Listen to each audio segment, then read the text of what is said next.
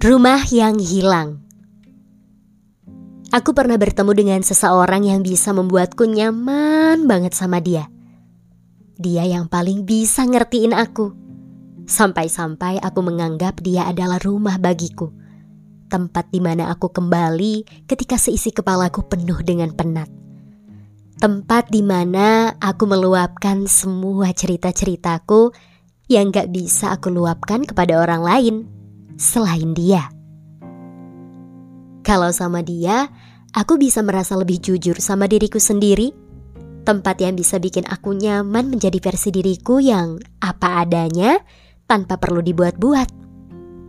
Bersama dia, hari-hari yang kujalani yang terasa begitu berat, begitu aku cerita sama dia, seolah ada aku menjadi tenang dan lega karena dengannya aku bisa menyampaikan semua perasaan yang aku tahan-tahan. Karena hanya dia yang aku rasa bisa tenang dan dipahami. Bagiku, bertemu dengan dia adalah pengalaman berharga dalam hidupku. Karena bertemu dengan seseorang yang bisa membuatmu merasa menemukan sebuah rumah adalah hal yang berharga banget.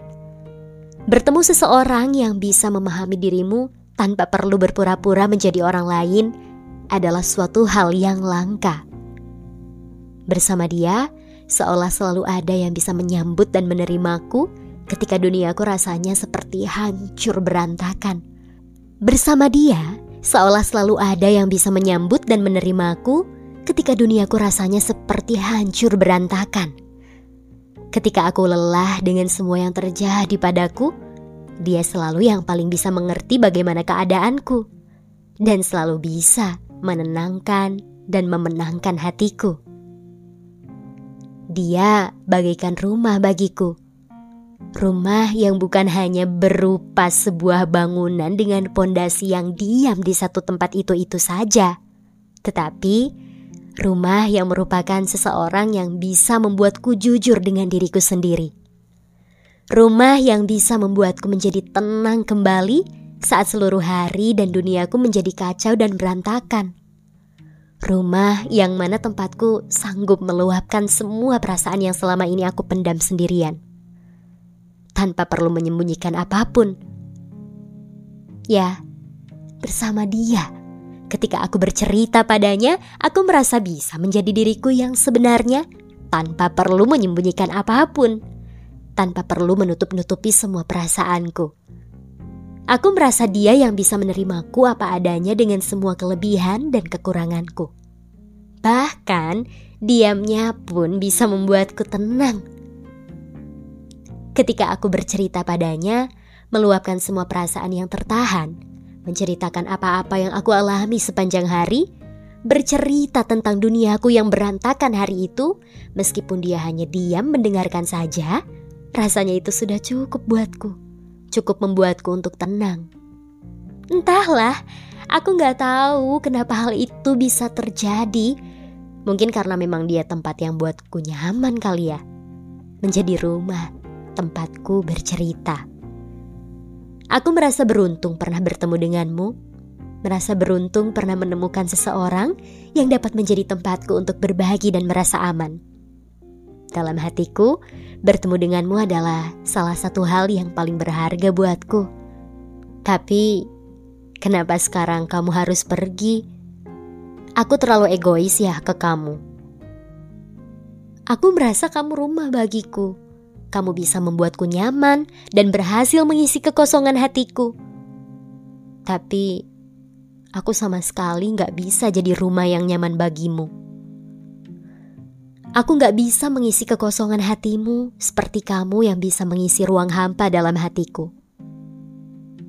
Maaf, maaf kalau aku gak adil buat kamu. Maaf kalau aku terlalu egois ke kamu. Aku gak menyadari bahwa duniamu bukan hanya berputar untukku seorang, tapi kamu juga punya duniamu sendiri.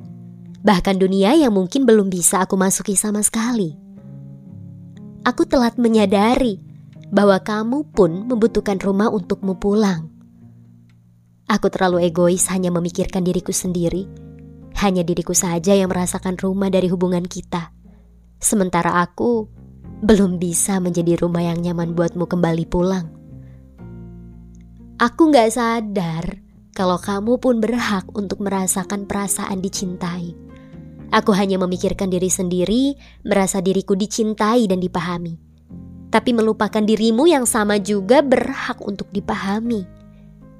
Bahwa kamu juga berhak untuk bercerita dan meluapkan semua cerita dan perasaan-perasaan yang kamu tahan.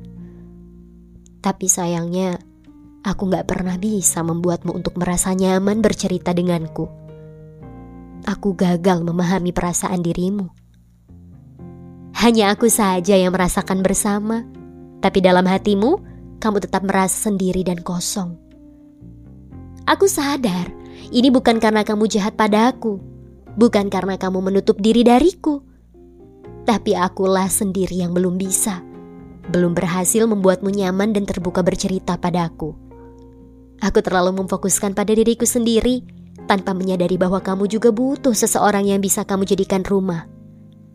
Dan sekarang, kamu pergi dan hilang. Rasanya semua menjadi sepi lagi. Yang biasanya ada tempat untuk menuangkan segala resahku menjalani hari-hari, sekarang jadi dipendam sendiri lagi. Gak ada lagi kamu yang biasanya sanggup memahami diriku. Gak ada lagi rumah yang nyaman tempat aku pulang menghilangkan penat.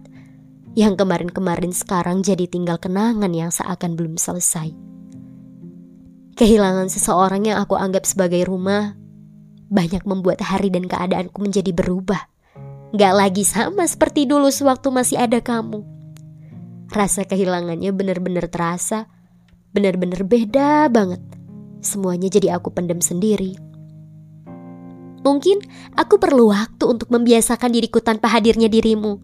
Membiasakan kembali seperti dulu sewaktu kita belum bertemu membiasakan menjalani hari-hariku yang mana di akhir harinya gak ada kamu sebagai rumah tempatku bercerita.